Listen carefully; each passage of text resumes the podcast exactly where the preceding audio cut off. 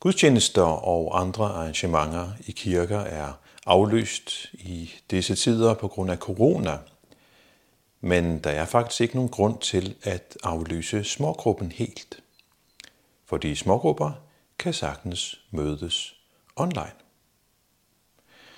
I smågruppen plejer vi at sidde her i sofaen, men øh, man kan godt have smågruppe igen Facebook Messenger eller Skype som en videogruppe samtale.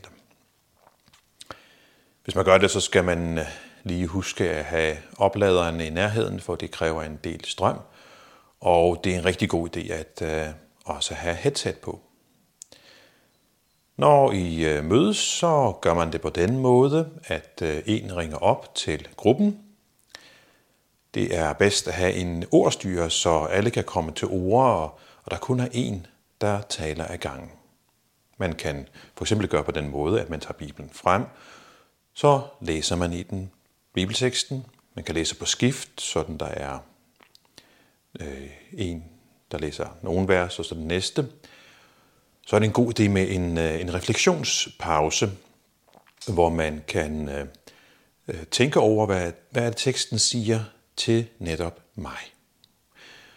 Når der så er gået nogle minutter med det, kan man så en af gangen dele med de andre i gruppen, hvad man har fået ud af teksten, og på den måde fortsætte den her samtale om bibelteksten.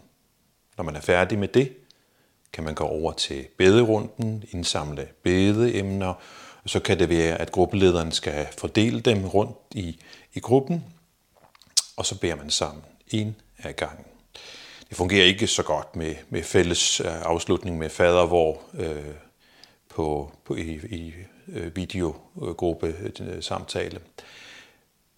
Man øh, kan også bruge øh, Skype, man kan også bruge øh, WhatsApp og Microsoft Teams eller lignende, eller for eksempel øh, Zoom US hvor det kun er gruppelederen, der behøver at have en, en konto.